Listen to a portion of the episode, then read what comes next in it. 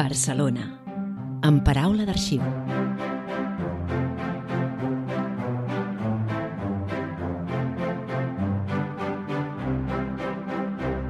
Us donem la benvinguda al podcast de l'Arxiu Municipal de Barcelona. Som en Javier Casanef i en Pere Andreu Geriot. Avui dedicarem el capítol a la documentació conservada d'una de les estructures físiques més importants de la ciutat de Barcelona. Una construcció relacionada amb l'abastiment d'aigua que ha durat més de mil anys i que és fonamental per entendre l'evolució històrica d'aquesta ciutat. Avui dediquem aquest capítol número 25 del nostre podcast a la documentació del rec Comtal, que es conserva a l'Arxiu Municipal del districte de Sant Andreu.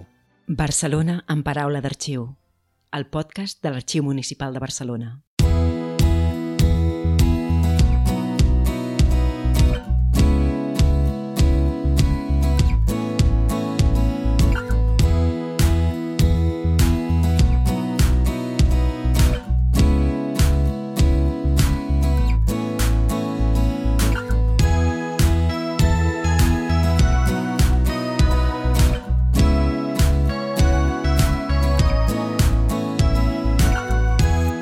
Naturalment, per introduir-vos al tema del capítol d'avui, ara hauríem d'explicar-vos què era o què és el rec comtal. Però, per sort, avui tenim dues persones que ho faran per nosaltres. Sí, perquè hem tingut l'ocasió i el privilegi de poder conversar amb dues de les persones que millor coneixen la història del rec comtal. Una és la Carme Miró, arqueòloga, que fins no fa gaire ha sigut la responsable de l'àrea de documentació, recerca i arqueologia preventiva del Servei d'Arqueologia de l'Ajuntament de Barcelona. Ella, amb tot el seu equip, han tirat endavant projectes com la Carta Arqueològica, el Pla Bàrquino o el Paleobàrquino, indispensables per al coneixement arqueològic de la ciutat de Barcelona, o, juntament amb el doctor Héctor Orengo, el projecte 2.000 anys d'abastiment d'aigua a Barcelona. I l'altra persona amb la que hem pogut parlar és l'Enric H. Marc, filòleg de professió, però un dels millors coneixedors també de la història del rec comtal. Ell és l'autor dels llibres El rec comtal, Mil anys d'història i Guia del rec comtal, tots dos editats per Viena Edicions. A més, l'Enric és un dels principals líders activistes de la recuperació patrimonial de les pervivències físiques i de memòria del rec comtal. Doncs bé, primer hem demanat a la Carme Miró i a l'Enric Marc que ens expliquin què és el rec comtal. El rec comtal és un gran canal que portava aigua des de la zona de Montcada, amb unes deus, no a prop del Besòs, no del riu Besòs, fins Barcelona. És l'hereu de l'aquaducte romà, ja que segueix aproximadament el mateix traçat, tot i que tenen grans diferències. Aquest canal portava aigua d'una banda de boca, encara que ens sembli contradictori perquè ja veurem que no sempre va ser aigua neta, però era sobretot també per regar camps, també tot ho conegut com l'or i vinyet de, de Barcelona, i també per fer moure molins i generar riquesa ja que el recontal marca també un canvi amb el que és el concepte de l'aigua. Pels romans l'aigua és un dret, eh, està garantit, és gratuïta, en canvi a època medieval l'aigua passa a ser productiva, genera riquesa, per tant no podem dir que es privatitzi perquè és un control del rec del comte rei, però sí que ja l'aigua no és per a tothom. Es construeix doncs, per moure molins fariners, eh, en una època en què bé, el pa és l'aliment bàsic de la població i per tant és eh, la millor manera d'obtenir impostos. Vull dir, eh, clar i ras, aquesta és la funció, la funció primera, no? impostos que van eh, als comptes i que en aquest sentit doncs, eh, podríem dir que la història, la història de Catalunya no, no s'entén sense el rec comtal, perquè aquests impostos són els que serviran doncs, per provocar tota l'expansió que es provocarà en els segles posteriors. El rec eh, no és només una estructura hidràulica, sinó és un motor de l'economia en molts aspectes, perquè el rec tenir els molins, els molins ja són uns generadors de riquesa, però també de producció i de moviment econòmic. Eh? No oblidem només els impostos que cobra el compte rei, sinó el treball que es dona, la persona que té llogat a l'estructura, els mateixos eh, agricultors que porten el blat a modre, els forners que compren la farina per fer el... O sigui que aquí tenim un sistema econòmic en època medieval és d'un tipus i va evolucionant fins a època moderna i fins la, la revolució industrial. O sigui que no podem entendre l'economia a Barcelona fins al segle XIX sense el rec. Quan es va construir el rec comtal? No sabem exactament la data de construcció del rec. L'aquaducte sí que sabem que és el segle I abans de Cris, és el primer edifici o estructura que es fa abans fins i tot que la muralla de Gus, i en un moment donat aquest aquaducte mm, queda en desús, eh, ho marcarien cap a un segle VI-VII, Aquí hem de tenir en compte que també hi ha la invasió de, dels àrabs, no? tot el que és la, el món islàmic, i que comporten uns grans canvis, sobretot a nivell hidràulic. Eren uns grans constructors hidràulics i porten nous conceptes, sobretot a nivell de regadiu i de rec. Segurament la construcció del rec l'hem de situar en aquest moment. Les fonts primeres que trobem són del segle X, però arqueològicament podem dir que l'hem datat amb el nou. O sigui que hauríem de situar entre aquest 8-10 la construcció del, del rec. I una cosa ens ha portat a l'altra. Hem tingut curiositat per saber quines són les diferències que podríem tenir entre l'aquaducte de l'època romana i el rec comtal d'època medieval. El rec no és tan lineal pel fet de que mou molins. Per moure molins necessita una forta pressió d'aigua i s'han de fer com uns revolts molt grans per acumular l'aigua i que aquesta baixi en força i mogui la mola. Per tant, el, el rec és totalment sinuós, l'aquaducte és totalment recte. És una de les grans diferències. Com l'altra gran diferència és que el rec és a cel obert, en canvi l'aquaducte és tancat perquè es protegeix l'aigua. Però tornem al que us deia. Pels romans l'aigua és un dret, s'ha de protegir. A època medieval l'aigua produeix riquesa, és l'únic que ens importa, que ens doni diners. És igual que si s'embruta o si tira porqueria o res. El que interessa és els doblons no? que s'agafen, sobretot pels molins.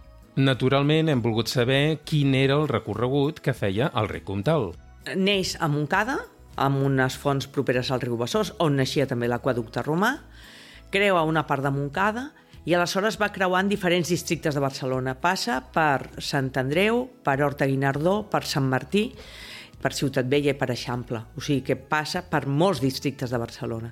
I va fent un, seguint aquest graó barceloní, aquesta diferència entre el que és muntanya i pla de Barcelona, el rec comtal és una estructura física de Barcelona que ha durat mil anys. Per tant, és impossible que no experimentés canvis al llarg de tots aquests segles. Potser el més destacat, pel que fa a l'urbanisme barceloní, va ser en el moment de la construcció de la Ciutadella a partir de 1716. Aleshores es va haver de desviar-lo perquè el seu traçat coincidia en l'espai en què s'havia d'aixecar la fortalesa. I això va promoure una nova funció del rec que no havia tingut abans, una funció poliurcètica, és a dir, vinculada a la defensa militar de la ciutat. El rec era el que omplia d'aigua el fossat de la ciutadella. De fet, una de les millors mostres que tenim del rec comtal a Barcelona i que podem anar a veure sempre que vulguem és el del tram conservat al jaciment del Born i que forma part de l'àrea de la ciutat que va haver de ser enderrocada per construir la ciutadella. Allà, al Born, el podem veure tal i com era. Li hem preguntat a la Carme Miró per les diverses funcions que va tenir el rei comtal. L'ús principal és el dels molins, però no principal perquè és el que més, sinó perquè és el que generava riquesa. L'altre és el de regadiu. L'estructura del rec comtal és curiosa perquè una de les parets és recta, com la de qualsevol canal, però l'altra és com una platja, pel fet de que quan el rec pugés es n'és desbordant i n'és regant. Eh, es conserva un plànol a l'arxiu de la Corona d'Aragó on es veuen tots els camps regats pel rec Comtal, que és, que és molt interessant. Penseu que fins a l'any 1984 el rec va regar camps. Eh, la comunitat de regants del rec eh, va funcionar fins al 1984. Estem parlant d'una època molt, molt recent. Encara ara hi ha petits horts a tocar del rec a la zona de, de Montcada i la, el, el barri de Vallbona, on encara podem veure el rec amb aigua, ànecs, vull dir que està ben bé com devia ser al principi de construir. Una altra de les seves funcions va ser abastir d'aigua els diversos tallers i obradors d'oficis que es desenvolupaven a Barcelona, sobretot en època medieval i moderna, i que necessitaven molta aigua per als seus processos de treball, com els blanquers, els assaonadors, els adobers, els tintorers... Per tant, una altra gran funció del rec comtal va ser la seva funció industrial, que es generalitza durant el segle XIX.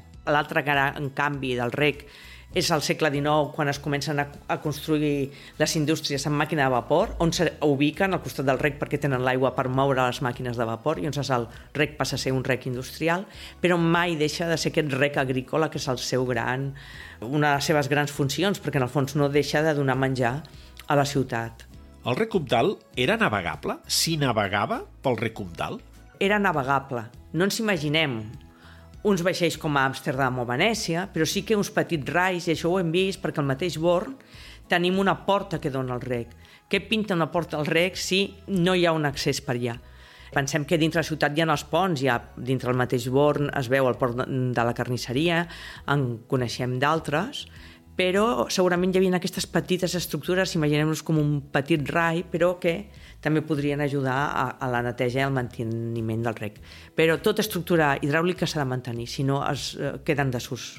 En quin moment comença el declivi del rec comtal? Quan comença a entrar en desús? El gran desús és amb la construcció de l'Eixample. La construcció de l'Eixample deixa que molta part de, del rec quedi inutilitzat. Però una part la part d'abans d'arribar a l'Eixample segueix funcionant, la comunitat de regants del rec funciona fins al 1984 i el rec encara funciona perquè el rec encara està donant vida, encara està regant. I, mm, per exemple, ara hi ha tota una estructura, l'aigua que surt la primera, si aneu a Montcada és impressionant un neta que és aquesta aigua, mm, fa uns anys, quan la sequera, em sembla que va ser el, no sé si el 2003, que Akbar va muntar tot un sistema per recuperar aquesta aigua del rec i portar-la amb un tractament d'osmosis inversa i que pogués anar a parar al, al sistema d'aigua de la ciutat. Això de moment no s'ha utilitzat, però està preparat, perquè en aquests moments la pena és que l'aigua del rec se'n va al Besòs i estem perdent un capdalt d'aigua importantíssim. Com sempre que parlem amb algú en aquest podcast, ens agrada preguntar per què van escollir la professió que van escollir. En aquest cas hem preguntat a la Carme Miró per què es va fer arqueòloga. Bé, és una història molt personal. Mm, jo volia ser metge, tenia claríssim que volia ser metge. Sempre des de petita he tingut un interès per investigar, per buscar. Eh, jo volia ser pediatra, mm, perquè m'agraden molt els nens, encara ara. Però als 13 anys vaig perdre el meu avi i el vaig perdre per un error mèdic molt greu. Eh, jo tinc la sensació que em van assassinar el meu avi i en aquell moment vaig entendre que jo no podia ser metge. Perquè si jo un dia feia un error tan greu que algú es quedés per culpa d'aquest error, jo no ho podria suportar. Cada persona estem preparats per una seva feina. Aleshores vaig tenir la sort de conèixer a l'institut una gran professora, ha sigut el meu líder i, i, i la meva mestra, que és l'Helena Comte, que ella era arqueòloga, després ho va deixar per fer de professora d'institut, ho ha fet superbé, i em va posar aquest coquet de, de la recerca. Llavors vaig canviar la investigació que jo volia més mm, de medicina cap a l'arqueologia. Però això ho he pogut juntar perquè una de les meves especialitats és la, tot el tema de l'aigua, i sobretot les termes medicinals. O sigui que fent d'arqueòloga he pogut també seguir estudiant la part mèdica i de la salut, que sempre m'ha interessat. La Carme Miró ha estat anys dirigint el Servei d'Arqueologia de Barcelona, fins no fa gaire. Des de la seva vessant de servidora pública, en el camp del patrimoni històric, hem volgut que ens fes una valoració de la feina feta. A mi el que m'agrada, el que em sento també molt orgullosa, és la meva feina al dia a dia a l'Ajuntament de Barcelona.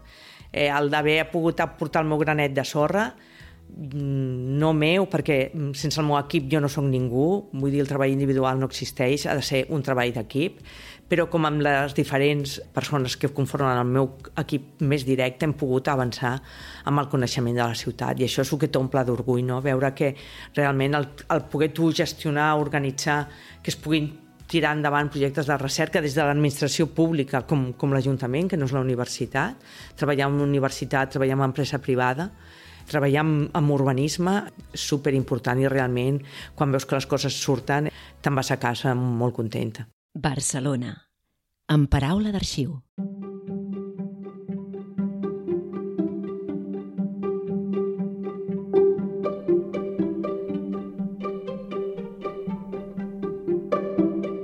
Després seguirem parlant del rec comtal amb la Carme Miró i amb l'Enric H. Marc.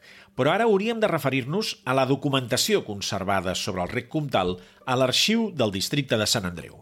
Sí, però per fer-ho, de fet, abans hauríem d'explicar un parell de coses per entendre millor aquesta documentació. Sí, Ben Andreu, és veritat. Començarem dient que al llarg de la seva història i fins al segle XIX, el rec va estar gestionat per diferents sistemes de govern, però sempre sota el control del Reial Patrimoni, que n'era el propietari. A partir dels anys 20 del segle XIX i fruit de la despatrimonialització que va tenir lloc durant el trienni liberal de 1820 a 1823, l'ampliació del rec comtal va acabar ocasionant que l'any 1840 es constituís la Societat de Propietarios Interesados en el aprovechamiento de la acequia condal i sus minas, que es va convertir en l'administradora legítima del rec comtal i també en l'encarregada de controlar l'accés i l'ús de la seva aigua.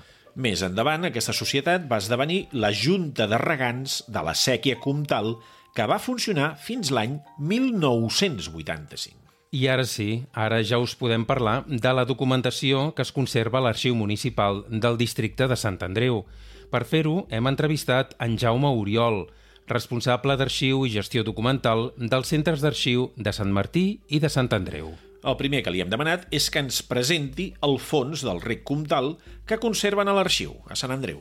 El fons del rec comtal, eh, de fet el nom oficial és el fons de la Junta de Regants de la Sèquia Comtal, és un fons de la societat que es va constituir el 1842 per gestionar un cop l'aigua es liberalitza, per gestionar els usos del recomtal, que era una infraestructura hidràulica que remunta a l'edat mitjana, però que a finals de, del segle XVIII i començaments del segle XIX s'amplia mitjançant la construcció de, de mines d'aigua al riu Besòs per abastir d'aigua la part oriental del Pla de Barcelona, els municipis de Sant Andreu, Sant Martí i doncs, també una part de, de Ciutat Vella. També hem volgut saber quin tipus de documentació és la que es conserva en documentació molt diversa, des dels els documents constitutius de la societat, els seus estatuts, els dels documents de la Junta General, els dels documents de la Junta Directiva, documents de gestió econòmica, documents de control de, de l'ús de l'aigua, documents de socis, documents de litigis judicials entre els diferents regants o entre la, la, la Junta de, del Rec Comtal amb altres institucions, documents d'obres, hi ha alguns, una col·lecció de plànols també de, de diferents trams del rec, una petita col·lecció d'aproximadament unes 300 fotografies que ens mostren una miqueta un recorregut gràfic del recomtal, eh, sobretot són dels anys 50, 60 i 70 del segle XX, que era unes dècades en el qual ja estava una miqueta en declivi. El fons de la Junta de Regants de la Sèquia Comtal és un dels més importants de l'arxiu de Sant Andreu. És el volum de fons particular més gran que tenim a Sant Andreu. Concretament, són 25 metres lineals de, de documentació d'arxiu, són 197 caixes d'arxiu i hi ha un, aproximadament uns 3.725 unitats documentals, la major part expedients. Una de les coses que no sabíem d'aquest fons i que ens ha sorprès força és la causa que va fer que aquesta documentació acabés anant a parar a l'arxiu de Sant Andreu. Sí, nosaltres ens pensàvem que si hi era, doncs que potser tenia a veure amb una suposada importància del pas del rec comtal per Sant Andreu. O que no fos cas que la Junta tingués la seva seu a Sant Andreu. Doncs no, resulta que el motiu va ser força més casual. Aquest és el motiu que va possibilitar que el fons de la Junta de Regants del Rec Comtal estigui a l'arxiu de Sant Andreu.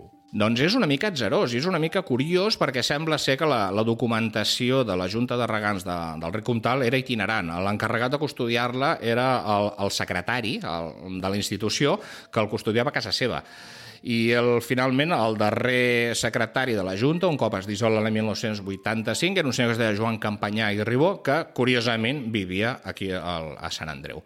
Aquest senyor es va posar en contacte amb el Centre d'Estudis Ignasi Iglesias, una entitat dedicada a la història de, de l'antic poble de Sant Andreu de Palomar, i mitjançant la seva intermediació, aquesta documentació va acabar ingressant l'any 1991 a l'arxiu del districte de Sant Andreu, quan era arxivera la, la senyora Núria Postico.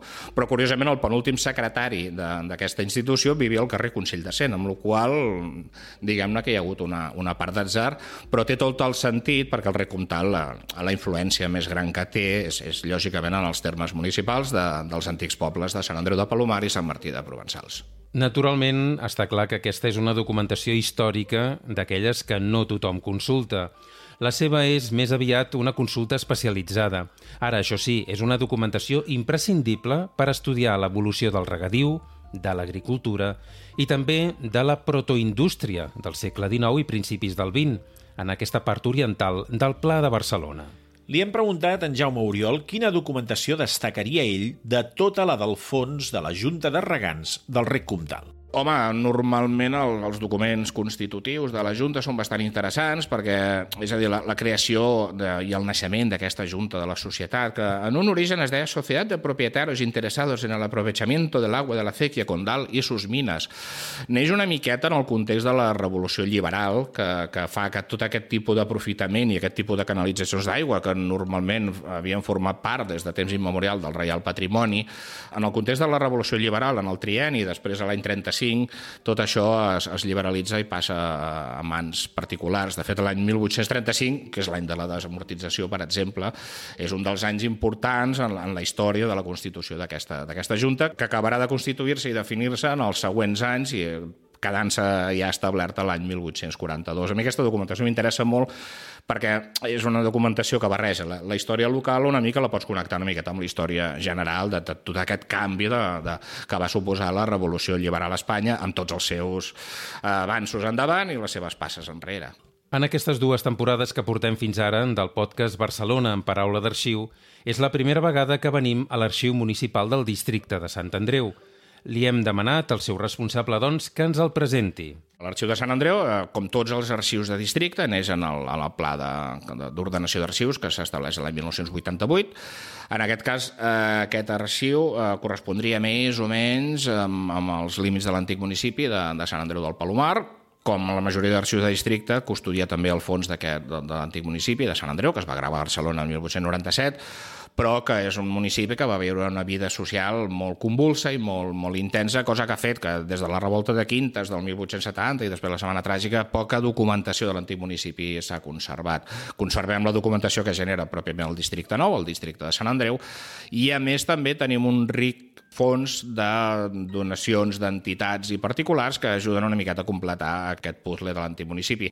Finalment, li hem demanat a en Jaume Oriol que ens citi alguns dels fons més destacats de l'arxiu precisament jo crec que un dels fons més significatius que tenim és el, el, el del rec comtal, tot el relacionat amb les, amb les infraestructures de, de, de regadiu del Pla de Barcelona i diferents fons particulars i d'entitats que testimonien la història de Sant Andreu, molta entitat, molta cooperativa. Sant Andreu hem de pensar que era un municipi que, que va començar sent molt agrícola, però com a mitjans del segle XIX, amb la, amb la creació de les grans fàbriques, va passar a ser d'un municipi agrícola a un municipi industrial, amb tot l'associacionisme obrer que tota aquesta, tota aquesta societat societat industrial va, va comportar.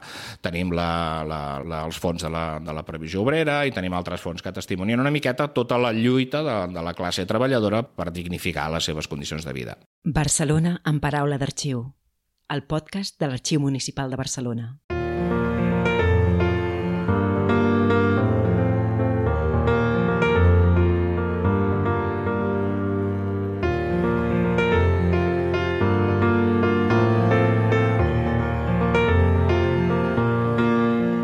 Quan a la sala de consulta de l'Arxiu Municipal del districte de Sant Andreu faig temps esperant que em serveixin la documentació que he demanat de consultar, em trobo pensant que és el primer cop que vinc a aquest arxiu per temes referits al rec comtal.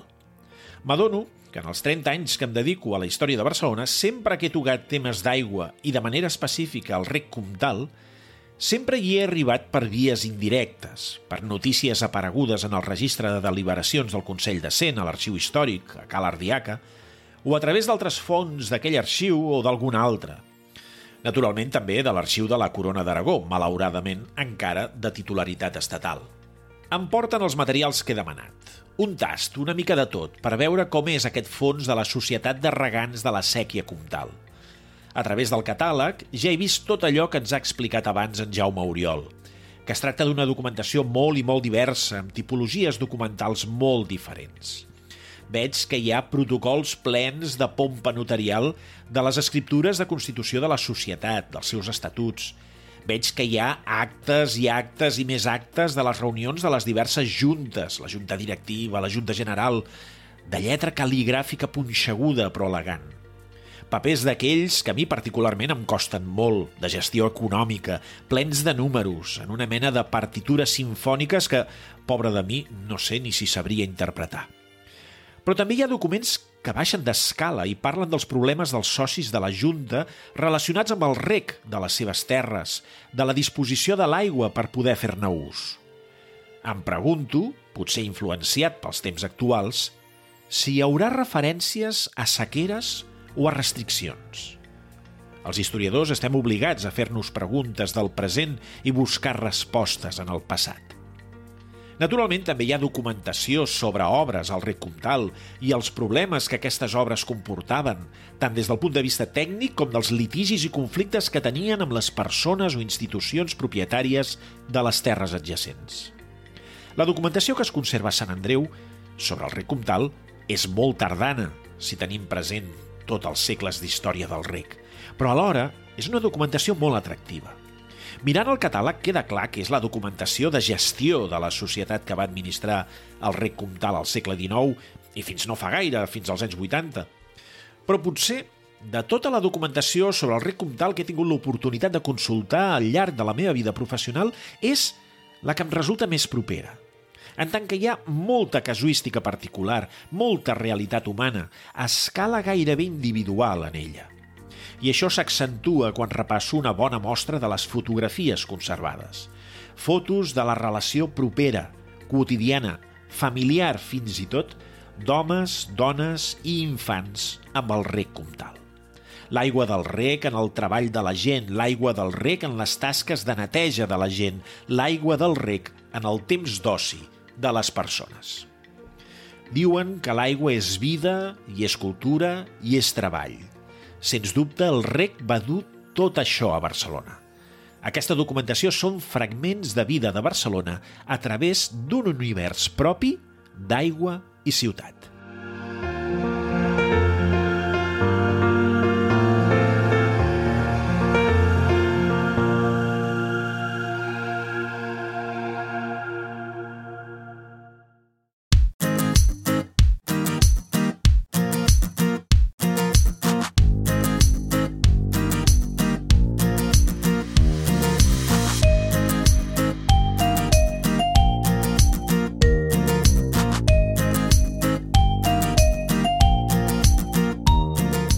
El rec comtal, no hi ha dubte, que és una de les estructures físiques més importants de la història de Barcelona.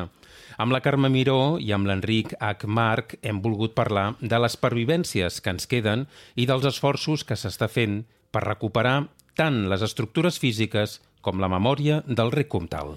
Els hem preguntat primer per les pervivències del rec comtal. Diguem-ne que n'hi ha de dos tipus, no? Vull dir, tenim una part del rec que continua viu, continua transportant aigua a l'aire lliure, cel obert, en un tram doncs, que va des de, des de la Casa de l'Aigua a Montcada i Reixac, que és el primer lloc on l'aigua surt a la superfície, es va buscar una miqueta més lluny, vull dir, a la confluència dels rius Ripoll i Besòs, i aquesta aigua la veiem doncs, fins a la carretera de Ribes, en un punt on es desvia, després de travessar el barri de Vallbona de Barcelona, es desvia per fer-lo desembocar al riu Besòs. Aquí s'acaba el rec comtal com a element viu. No? Després tindríem doncs, totes les pervivències que podríem definir també en, en dos tipus. Un serien doncs, eh, els jaciments arqueològics, i l'altre seria la, la traça fòssil del rei comtal, que el podem seguir a través doncs, de determinats carrers de Sant Andreu, de Sant Martí i fins i tot de Ciutat Vella, on els noms dels carrers, a més a més, ja ens estan indicant no?, que per allà passava el rec.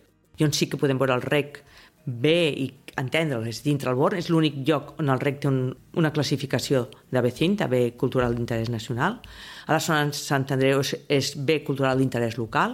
Són les dues zones on tenen aquesta catalogació, la resta no està catalogat encara. Ara, ara hem fet un pla director del rec comtal, esperem que s'aprovi la fitxa zero i pugui estar protegit, tenir un mínim de protecció. I l'altra zona on podem veure el rec és a la zona del baluart de migdia, on també trobem estructures del rec anterior de, de la construcció del baluart. Li hem demanat a l'Enric H. Marc quines parts del rec comtal en recomanaria de visita.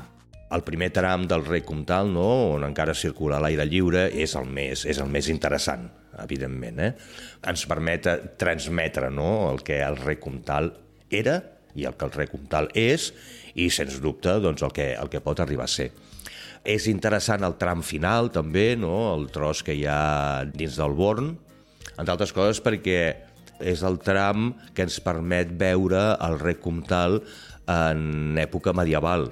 Eh, clar, el rec comtal ha patit moltes transformacions al llarg, de, al llarg dels segles i no sempre és fàcil trobar elements, diguem-ne, originals d'aquest rec, no?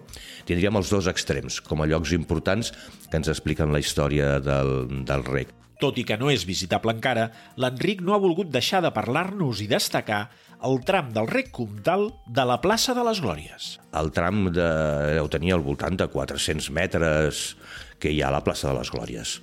El tram de la plaça de les Glòries és d'una importància capital. Per què?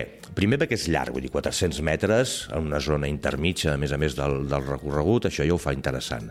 Però és molt més interessant encara perquè s'ha pogut excavar i poder arribar fins a sol geològic i, per tant, fins al fins l'origen no? de, de la canalització ens permet veure el perfil, el perfil de totes les fases històriques que ha tingut el, el rei comtal en aquella, en aquella zona.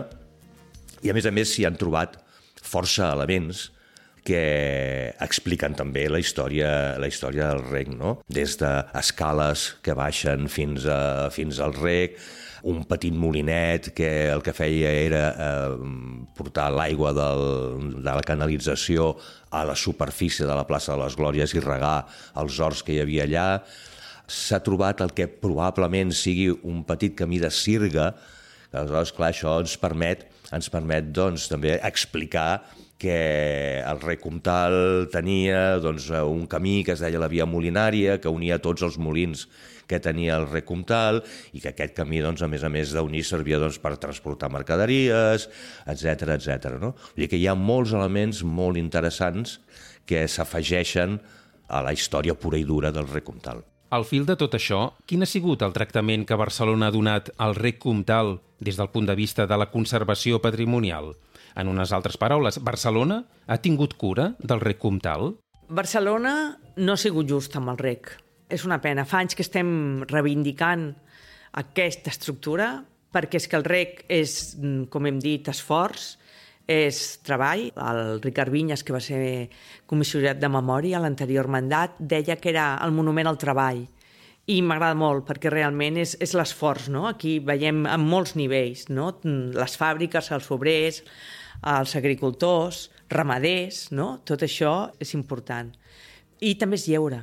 No oblidem les grans passejades, sobretot al segle XIX, d'anar a berenar a veure el rec. En molta gent de Sant Andreu encara t'ho explica, avis, que cada cop en queden menys, però que ells havien anat a, i a banyar-se al rec. O sigui que el rec també té aquest vessant lúdic que tampoc podem oblidar perquè en un moment donat dona molta força a la societat.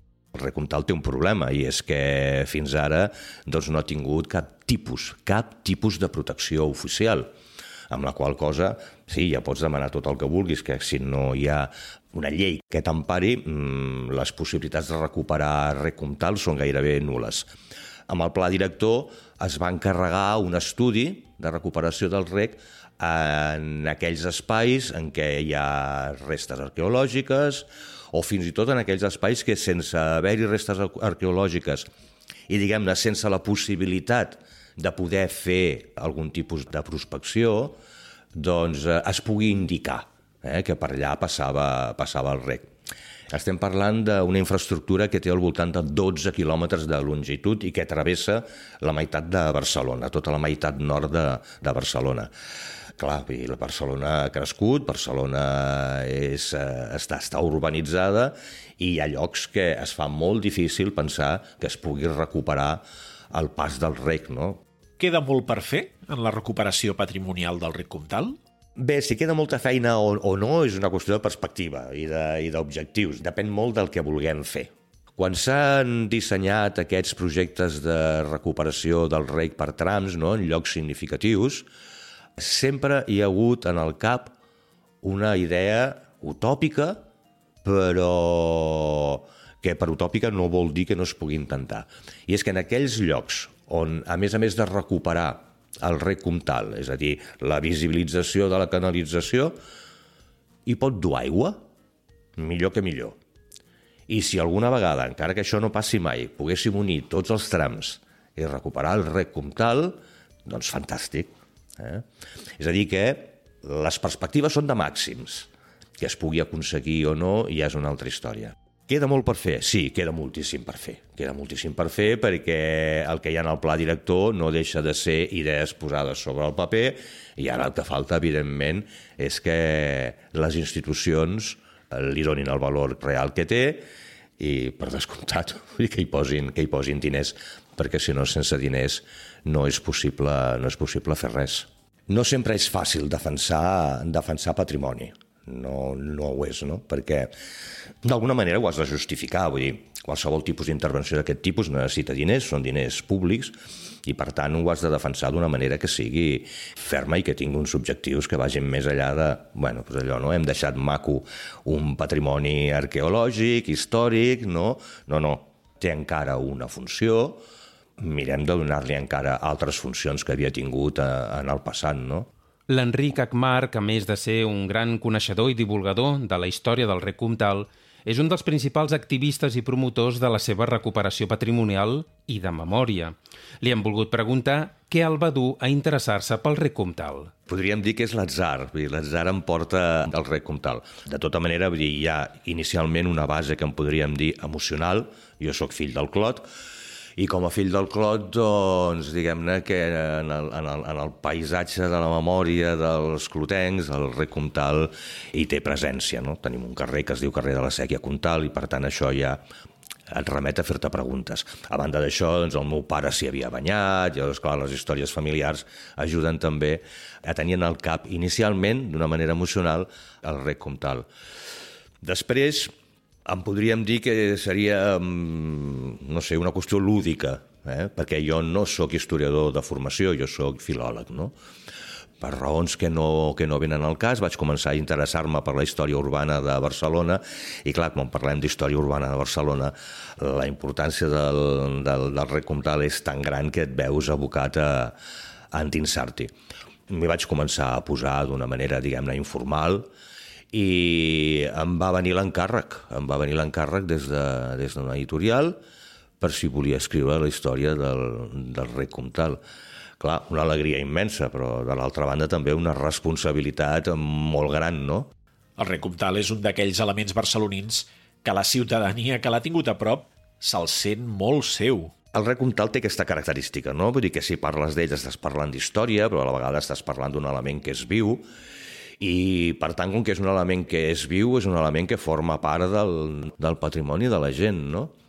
I com a tal patrimoni, doncs, cal defensar-lo.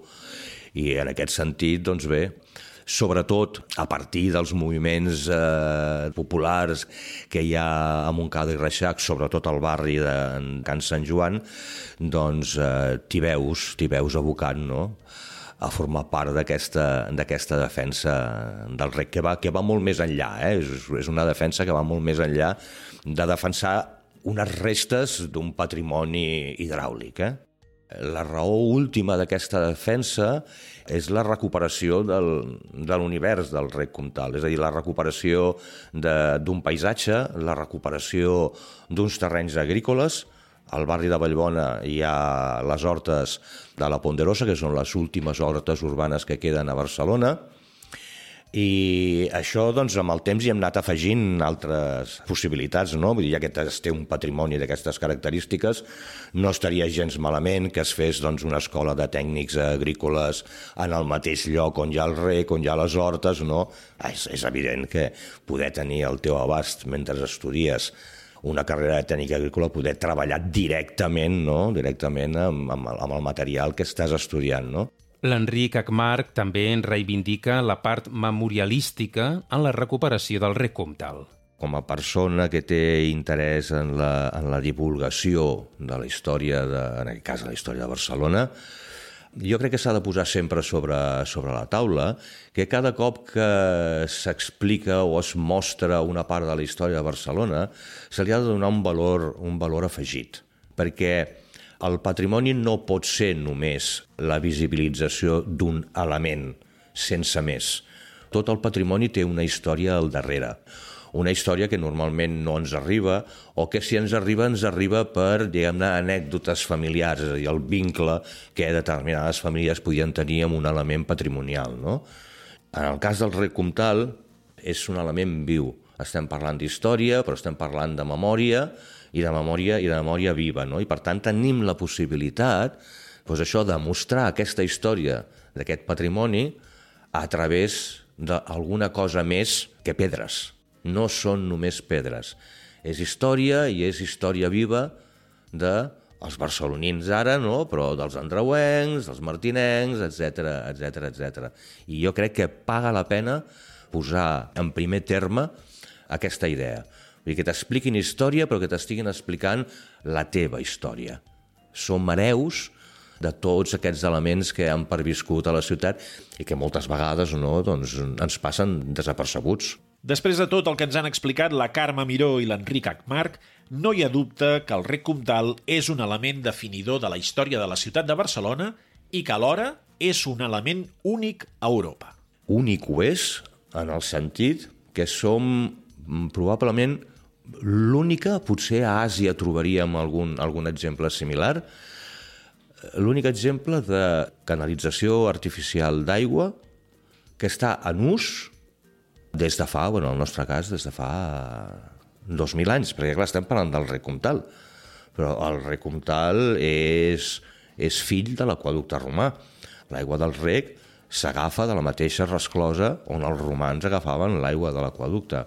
Per tant, clar, tenim, tenim una pervivència del, del rec, encara que ara aquesta pervivència i aquesta utilitat sigui mínima, però que abasta més de 2.000 anys. I, per tant, clar, això és molta història. A mi m'agrada dir que Barcelona són 2.000 anys d'abastament d'aigua continuat. No conec cap altra ciutat d'Europa ni del món que pugui dir que durant 2.000 anys es va vestir d'aigua pel mateix lloc. Penseu que no és fins al segle XIX, amb la construcció de l'Eixample i sobretot les grans indústries eh, amb màquines de vapor, que es busca aigua doncs, a l'aquaducte de Dos Rius, a l'aquaducte Nou de Montcada, és quan hi ha aquesta remodelació, però estem parlant del segle XIX. O sigui que des del segle I abans de Crist fins al segle XIX eh, l'aigua que arriba a Barcelona, implicant el creixement que té Barcelona, la Bàrquina romana és molt petita, la Barcelona preeixample no és tan petita, parlem de Barcelona i els pobles associats. Doncs és brutal pensar que els romans ja van dissenyar un sistema que ha funcionat 2.000 anys. Barcelona en paraula d'arxiu, el podcast de l'Arxiu Municipal de Barcelona.